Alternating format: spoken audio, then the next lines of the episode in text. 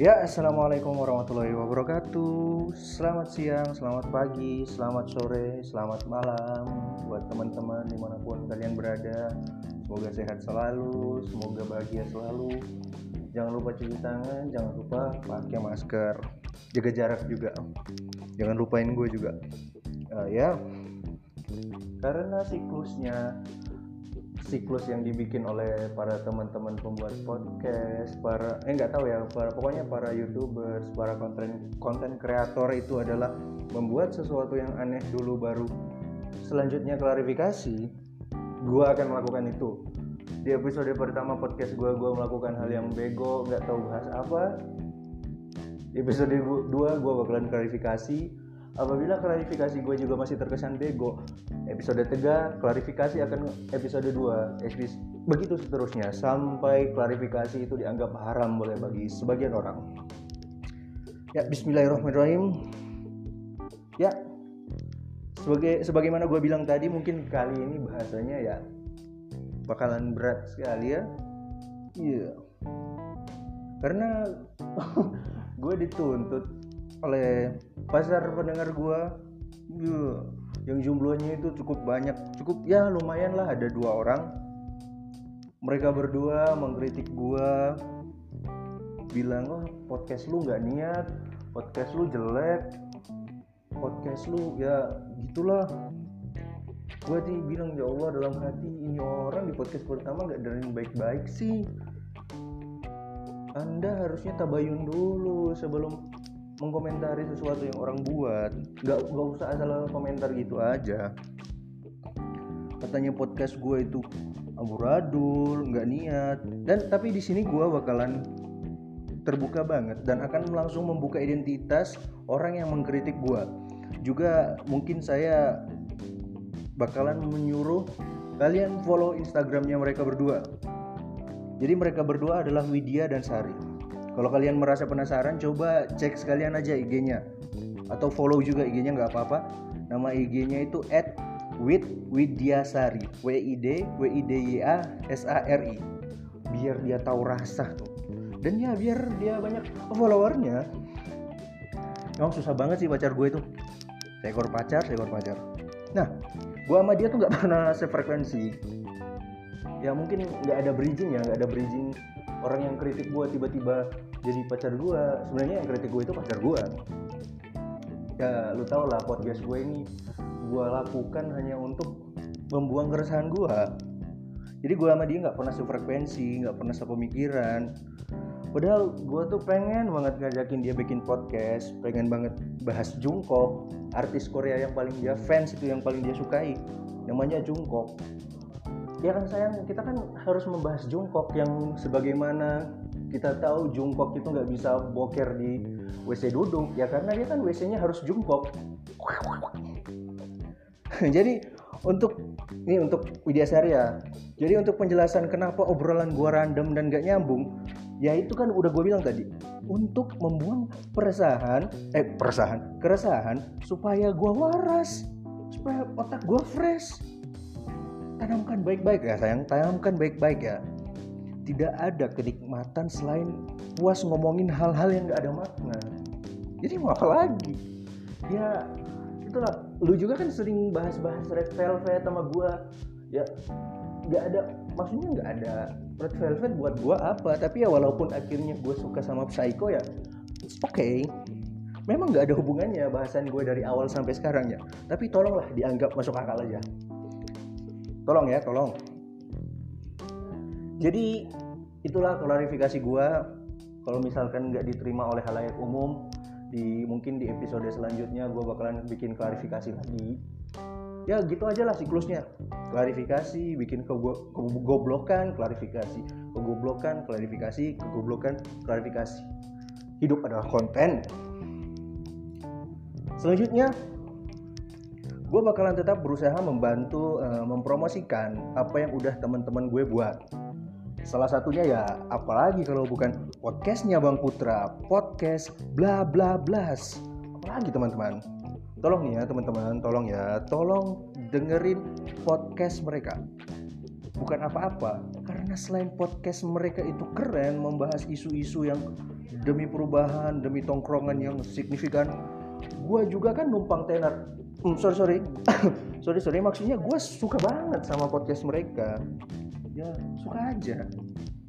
Kan lu tahu ya sukanya nggak lu tahu suka kan nggak perlu alasan sama kayak lu sayang sama pacar lu. Ya kecuali ya lu yang cuman butuhnya.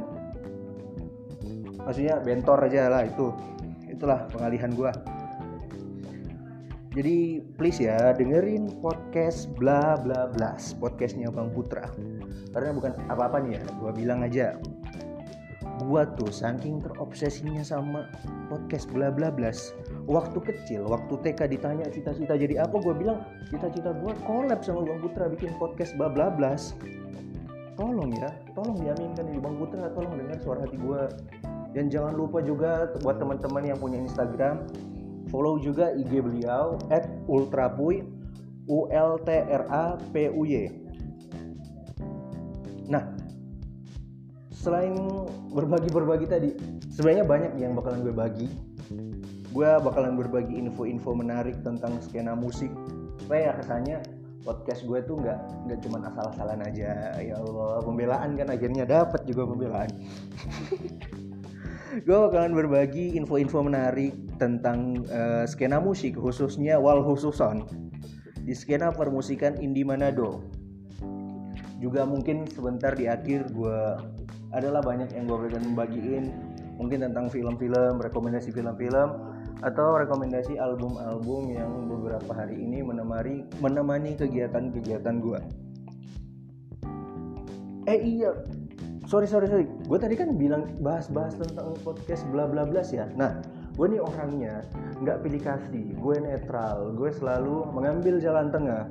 Sebenarnya di podcast itu bukan cuman podcast maksudnya bukan bukan hanya ada Bang Putra sih yang sering ngobrol-ngobrol panjang lebar di situ ada juga Mas Azam. Tapi gue lupa nama Instagramnya Mas Azam. Mas Azam maaf ya. Nanti di episode episode episode selanjutnya biar ada bahasan aja Mas Azam ya. Sorry. Jadi I love you Bang Putra. I love you.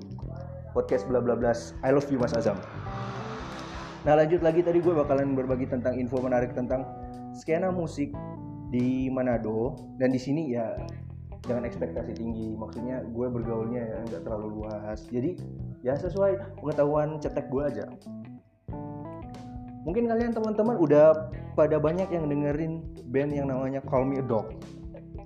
Ya yang nam nama bandnya itu sama kayak salah satu lagunya almarhum mendiang Chris Cornell Call Me a Dog. Band bahasa Indonesia ya mungkin agak rancu ya tapi mungkin itu adalah nama band yang dianggap satir atau apa karena sebenarnya bahas bahasanya itu berhubungan dengan namanya.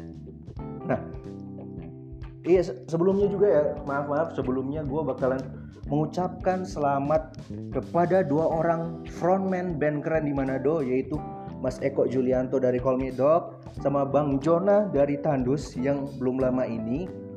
Keluarga mereka ketambahan satu anggota keluarga. Ya selamat ya atas kelahiran putra atau putrinya Mas Eko sama Bung Jona. Nah menurut Kalmi Idok tadi itu adalah band Manado yang menurut gua mereka itu ya yang menurut mereka sendiri musik yang mereka mainkan adalah musik spiritual grunge spiritual grunge. Nah kalau gua buat gua sendiri sebagai penikmat mereka musik mereka itu adalah musik grunge. Dengan suasana baru yang dikomposisikan sedemikian rupa sehingga sangat trans, terasa nuansa psikedelik dan juga stonernya jadi buat teman-teman yang mungkin suka sama band-band uh, band-band Seattle Sound 90-an, band-band grunge 90-an yang meng, yang musiknya dieksperimentalkan, dikomposisikan sebagaimana rupa, mungkin pasti bakalan seneng banget sama kami dong.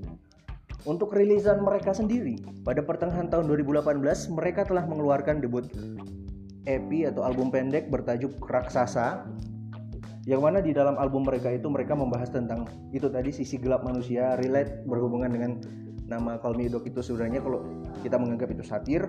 Nah membahas sisi gelap manusia hubungan dengan Tuhan atau dan hubungan dengan Tuhan namun melalui sudut pandang yang sangat berbeda pastinya sudut pandang yang sangat sofistik kalau orang Manado bilang sudut pandang yang bagus itu bagus itu yang Tuhan. Kabarnya juga beberapa bulan ini mungkin mereka eh, bukan mungkin sih beberapa bulan ini mereka lagi sibuk menggarap full album mereka yang sebenarnya udah di udah ada spoiler dikit sih di kalau nggak salah tuh di YouTube-nya media bersuara. Mereka memainkan satu buah satu buah lagu berjudul Aksara Wedatama yang merupakan spoiler atau merupakan uh, salah satu pengantar untuk kita mau mendengarkan nanti ya album terbaru mereka. Pokoknya kita doakan aja semoga lancar penggarapan albumnya, semoga albumnya bisa meledak sampai go internasional ya kan keren kalau ada band Manado yang go internasional. Bisa sekelas Nirvana, Audio Slave, uh, Orkes Pensil Alis tidak dong. Nah pokoknya buat yang penasaran sama Call Me Dog silakan dengerin spot eh, dengerin rilisan mereka di Spotify, Deezer, cari aja Call Me Dog uh, Raksasa. Atau yang pengen pengen nyari album-album rilisan fisiknya cari aja di amazon.com Nah di podcast pertama gua sebelumnya gua sempat membahas tentang single baru dari Axel Gula yang di mana waktu itu lupa gue bilang judulnya. Jadi sebenarnya judulnya itu adalah I don't wanna know I don't give a fuck. Kalau nggak salah lagi aku gue ini memang kurang persiapan banget. Tapi maaf ya bang Axel maaf banget gue cuman mencoba mengapresiasi sebisanya gue gue walaupun promonya setengah-tengah setengah-setengah. Tapi teman-teman tolong lah cari ya. Selain kaum idok Axel Gula jangan lupa denger uh, podcast bla bla bla Bang Putra. Huh. Sangat tidak berfaedah ya. Maksudnya podcast gue nggak berfaedah. Dan ini mungkin juga nih di tiap akhir podcast gue bakalan ya itu gue udah bilang tadi gue bakalan selalu berbagi tentang ya merekomendasikan entah itu film album yang keren atau ya apa ya pokoknya lagu-lagu atau single-single yang akhir-akhir ini sering menemani ke keseharian gue dan ini mungkin gak usah berpanjang lebar lagi ya gue ini yang paling gue tunggu-tunggu nih bahas apa gue bakalan sebenarnya gue pengen banget bacain tentang status-status atau postingan-postingan dari FB mak gue karena menurut gue ya lucu aja gitu FB emak-emak statusnya yang diupload apa captionnya apa. Menurut gue itu adalah sesuatu hal yang lucu. Gue aja sebenarnya sering pengen banget nge-mute emak gue pengen banget blokir emak gue tapi gue takut dianggap anak durhaka. Gue sebenarnya menyesal mengajarkan emak bikin emak gue Facebook. Gue ini menyesal banget karena ya sering kali emak gue termakan berita-berita ya, yang bisa dibilang hoax tapi dibumbui agama. Lu tahu kan kalau ibu-ibu bapak-bapak yang namanya apa aja kalau dibumbui agama ya? Ya gitu mereka langsung percaya aja. Gue pikir bagi eh sorry sorry sorry sorry kenapa gue ngomong besar? Gue pikir ya kalau misalnya ada sesuatu yang berbau Arab tapi sebenarnya itu adalah doa bapak kami mungkin orang-orang seperti itu ya, ya itulah. Bakalan langsung kenalan mentah-mentah lu, lu paham pasti maksud gue kan? Tapi ya itu gue gue menimbang lagi. Gue pikir ya mungkin karena gimana ya? Mungkin karena privasi orang atau apa. Atau mungkin gini aja deh di next episode kalau Tuhan masih berkenan untuk gue bikin podcast lagi gue bikin gue bakalan baca-baca tentang status-status tadi postingan-postingan aneh-aneh di timeline Facebook emak gue tapi gue gak bakalan baca nama yang memposting demi privasi mereka. Mungkin itu aja lah kali konten selanjutnya. Menurut gue gini nih dunia FB, dunia Facebook emak-emak itu dunia sebenarnya bukan cuma dunia Facebook, tapi dunia sosial media emak-emak itu absurd banget, lucu banget. Karena apa ya? Selain sering memposting hal-hal yang di luar nalar ya Allah, sering ya sering nge-share hal-hal yang aneh terus video-video tuh yang video yang cuma sepotong-sepotong video-video yang maaf nih ya maaf ya. Bukan mengdeskreditkan beberapa, eh, beberapa orang atau apa. Ada video-video mengkafir-kafirkan orang tapi mengkafir-kafirkan orang tapi cuma setengah-setengah. Itu kan bahaya banget kalau sembarang di maksudnya sembarang dibagikan tanpa tabayun dulu itu kan bahaya banget. Bisa jadi itu nanti akan menimbulkan fitnah yang lebih panjang lagi uh, efek dominonya. Atau ya kayak bisa bikin itu dosa yang panjang lah buat keluarga gue jika itu berisi fitnah. Keren kan gue kalau bahas bahasan yang berat kayak gini. Lu sih Widyasari nggak percaya kalau gue bisa bahas-bahas yang berat. Kayak bulldozer besok gue bahas yang lebih berat dong bahas bulldozer. Ya Allah jokes gue sebenarnya ngomong-ngomong tentang uh, dunia sosial media emak-emak atau bapak-bapak itu sebenarnya itu juga menjadi tantangan tersendiri buat kita yang jadi anaknya membuat kita yang para kaum muda untuk rajin memberikan sosialisasi. Maksudnya gue memberikan ya pengarahan kepada orang tua kita. Akan bahaya main sosmed. Ngeri lah sebenarnya TL-TL ibu-ibu emak-emak nih. Apalagi kalau udah duh. Itu baru itu baru bahasan di timeline loh ya. Belum bahasan-bahasan mereka gibah ada loh yang pernah gibah. Ini ini true story ya. Nggak ada nggak ada memang nggak ada screenshotnya tapi mungkin teman-teman juga udah pernah kayak gitu. Mereka gibah di kolom komentar orang yang mereka gibahin. Bayangin itu duh bisa bikin keluarga kacau tau nggak?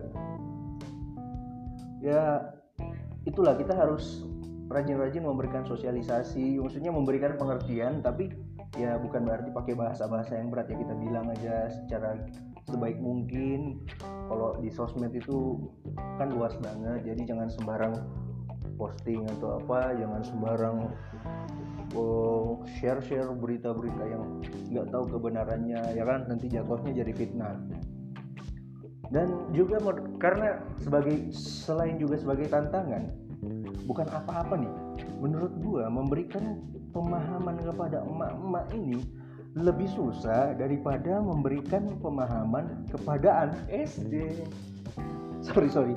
Bukan berarti ya mama aku ini nggak lulus SD cuman kalau nggak percaya kalian coba aja lah. Coba coba coba. Ini kan ya duh. Gila sih masalah sosmed sosmed emak-emak itu beberapa kali gue debat debat sama emak gue gue ya gue bukan pengen jadi anak durhaka ya tapi gimana ya? Jadi jujur aja nih. Gara-gara ceramah ceramah ustaz ustaz yang cuma sepotong ini gue curhat ya cuman sepot bukan bukan gue nggak suka ustaznya gue nggak suka ceramahnya gue cuma nggak suka orang-orang oknum-oknum yang mengupload video ceramah tapi cuma setengah-setengah. Akhirnya apa? Konteksnya itu jadi nggak tersampaikan sepenuhnya kepada orang tuanya. Orang tua gue jadi menangkapnya setengah-setengah. Orang tua gue sering mengambil kesimpulan namanya orang tua nggak boleh dibantah. Lu meluruskan apa pemikiran pemikiran orang tua? Sesalah apa pun orang tua lu nggak boleh meluruskan itu. Entah orang tua gue dengarnya dari ceramah di mana cuman ya itu cukup cukup membuat gue menyesal karena apa ya gue juga dulu udah sembrono bikinin orang bukan gue menyesal bikin ya sebenarnya agak menyesal juga sih bikin bikin Facebook buat ibu bapak gue cuman ya udah terjadi jadi sekarang tugas gue mungkin tugas teman-teman juga yang udah terlanjur keluarganya punya sosial media dan mungkin sering postingannya nggak kekontrol komentarnya nggak kekontrol itu mungkin tugas kita sebagai anak tugas kita sebagai keluarga memberikan pemahaman yang jangan yang terlalu berat pemahaman yang logis kepada orang tua mereka kita bahwa sebenarnya sosial media itu cukup berbahaya. Sebenarnya abis ini seperti gue bilang tadi gue pengen baca-bacain itu cuman karena baca-bacain timeline timeline dan keabsurdan Facebook emak-emak postingan Facebook emak-emak tapi ya karena itu selain tadi gue mikir panjang dan sebenarnya handphone handphone yang satunya yang buat yang pas buat bacain timeline itu lagi dipakai kerja sama emak gue jadi ya mungkin di next episode ini sekalian gua ngeles ya gua ngeles kalau misalnya ini nggak masih nggak dianggap berbobot uh, podcast ini. Tapi ya bodo amat lah namanya gue juga membuang keresahan supaya gue waras. Sebenarnya itu adalah pembelaan supaya nanti ada konten yang bisa gue bahas. Aduh kasihan nih Facebook emak-emak panjang banget. Ya mungkin yang terakhir gue bakalan baca yang terakhir gue bakalan baca rekomendasi film atau album yang akhir-akhir ini film lagu atau album atau band atau apalah itu yang akhir-akhir ini menemani gue yang akhir-akhir ini gue tonton gue dengerin dan menurut gue itu keren banget dan wajib banget lo tonton. Untuk film gue barusan nonton film The Head You Give. Film yang menurut gue sangat relate sangat berhubungan dengan situasi dunia saat ini. Entah itu karena film itu membahas isu-isu rasisme dan juga hukum yang berat sebelah. Lo tau kan sekarang entah keadaan di Indonesia, keadaan di dunia, walau terlepas dari keadaan corona, sedang panas-panasnya dengan isu rasisme dengan dan isu-isu hukum yang berat sebelah atau tidak adil. Ini sebenarnya dilema juga kita gimana ya entah sistemnya yang udah korup atau oknum-oknum yang terlalu sering menggunakan terlalu sering terlalu sering menggunakan atau menyalahgunakan uh, jabatan mereka untuk menindas kaum kaum yang katakanlah sorry minoritas. Gue gak tahu tapi menurut gue ya film The Head You Give ini merupakan film yang relate jika kita jika kita uh, pengen melek tentang isu-isu rasisme dan hukum yang berat sebelah mata. Eh sorry yang berat sebelah sebelah mata kan lagunya efek rumah kaca. Nah untuk album untuk album juga kali ini akhir-akhir ini sebelum tidur atau pas lagi tidur gue tuh seneng banget dengerin lagunya Explosion in the Sky. Album apa pun itu di Spotify gue dengerin. Sebelum tidur selalu album Explosion in the Sky yang menurut gue sebenarnya kan uh, Explosion in the Sky ini band yang mengusung uh, genre instrumental post rock ya. Jadi buat teman-teman yang gak asing dengan genre itu pasti selalu bilang explosion in the sky atau genre instrumental post rock ini pasti sangat nikmat untuk dinikmati ketika kita tidur.